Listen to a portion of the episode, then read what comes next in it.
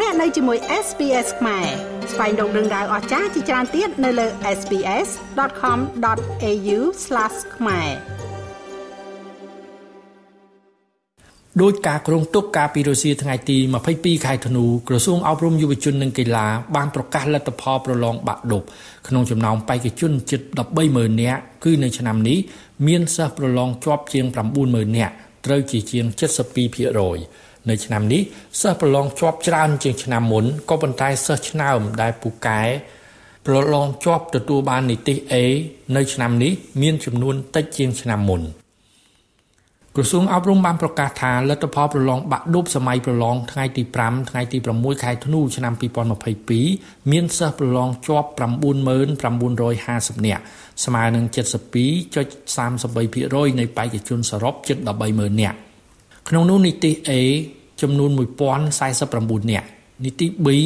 7232នាក់នីតិ C 19053នាក់នីតិ D 31166នាក់និងនីតិ E មានចំនួន32450នាក់ ខ្ញុំអឺសូមផ្ដាំផ្ញើទៅអ្នកប្រឡងជំនាន់ក្រោយថាគូខំបង្រៀនពីដើមឆ្នាំដោយសារតែខំបង្រៀនចុងឆ្នាំទៅវាពិបាកសម្រាប់ខ្លួនឯងហើយក៏អឺ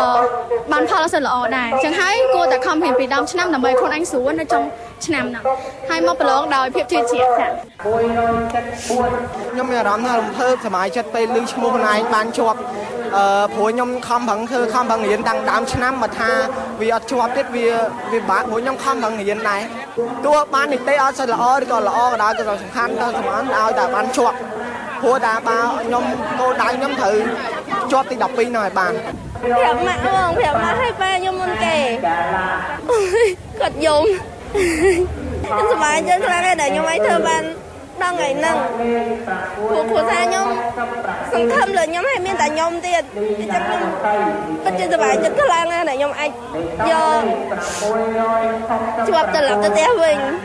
អរគុណទៅម៉ាក់ប៉ាខ្ញុំកូនអរគុណវាគឺថាគាត់អត់ដែរ បើនិយាយទៅគាត់ដែរផ្ដល់សម្ពាធឲ្យយើងប្រព្រឹត្តរៀនថាយើងត្រូវតយកនីតិនេះឲ្យគាត់យកនីតិនោះឲ្យគាត់ឯងសំខាន់សមត្ថភាពយើងយើងបានអីក៏គាត់នៅទទួលយកក្នុងចំណោមបេក្ខជនដែលប្រឡងជាប់បាក់ឌុបជាង90000នាក់នៅឆ្នាំនេះក៏មានក្មេងប្រុសម្នាក់ឈ្មោះហ៊ឺទៀងកឹមហុងទើបតែអាយុ13ឆ្នាំ បានប្រឡងជាប់បាក់ឌុបទទួលបាននីតិ C ដែលជានីតិល្អតាមធម្មតាបេក្ខជនប្រឡងបាក់ឌុបមានអាយុទាបបំផុត16ឆ្នាំ ឬច្រើនជាងនេះ ដោយសារតែនៅកម្ពុជាកុមារអាចចូលរៀននៅថ្នាក់ទី1បានតតែមានអាយុ6ឆ្នាំប៉ុន្តែក្នុងករណីក្មេងប្រុសទៀងកំហុងជាករណីពិសេសដោយសារតែក្មេងប្រុសនេះឆ្លាតនិងចេះជាងអាយុបើធៀបទៅនឹងកុមារដទៃទៀតសូមរំលឹកថានៅរុស្ស៊ីថ្ងៃទី22ខែធ្នូក្រសួងអប់រំបានប្រកាសលទ្ធផលប្រឡងបាក់ឌុបនៅរាជធានីភ្នំពេញនិងនៅខេត្តកណ្ដាលហើយរហូតដល់ព្រឹកថ្ងៃទី23ខែធ្នូនេះ ទើបប្រកាសលទ្ធផលតាមបណ្ដាខេត្តផ្សេងទៀតនៅទូទាំងប្រទេសលទ្ធផលប្រឡងបាក់ឌុបនេះត្រូវបានបិទផ្សាយផ្ទាល់នៅតាមមណ្ឌលប្រឡងនីមួយៗនិងប្រកាសផ្សាយតាម Facebook របស់ក្រសួងអប់រំលទ្ធផលប្រឡងបាក់ឌុបកាលពីឆ្នាំមុនមានបេក្ខជនប្រឡងជាប់ចំនួន72016នាក់ត្រូវជាជាង65%ចំណែកបេក្ខជនដែលទទួលបាននីតិ A ឆ្នាំមុនមានចំនួន1753នាក់ គឺច្រើនជាងឆ្នាំនេះជាង700នាក់ឆ្នាំមុនក្រោយប្រកាសលទ្ធផលប៉ុន្មានថ្ងៃមានបេក្ខជនមួយចំនួនដោយមានទាំងអ្នកប្រឡងជាប់និងអ្នកប្រឡងធ្លាក់បានប្រមូលផ្ដុំតវ៉ានៅក្រសួងអប់រំដើម្បីដាក់ញត្តិសុំឲ្យក្រសួងត្រួតពិនិត្យពិន្ទុពួកគេឡើងវិញបេក្ខជនទាំងនោះមិនអស់ចិត្តដោយខ្លាចគ្រូកែខុសលក្ខណៈបច្ចេកទេសប៉ុន្តែក្រោយការផ្ទៀងផ្ទាត់ក្រសួងអប់រំបានសម្រេចរក្សាលទ្ធផលនៅដដែល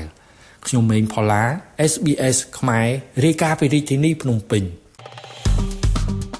ចុច like share comment និង follow SBS ខ្មែរនៅលើ Facebook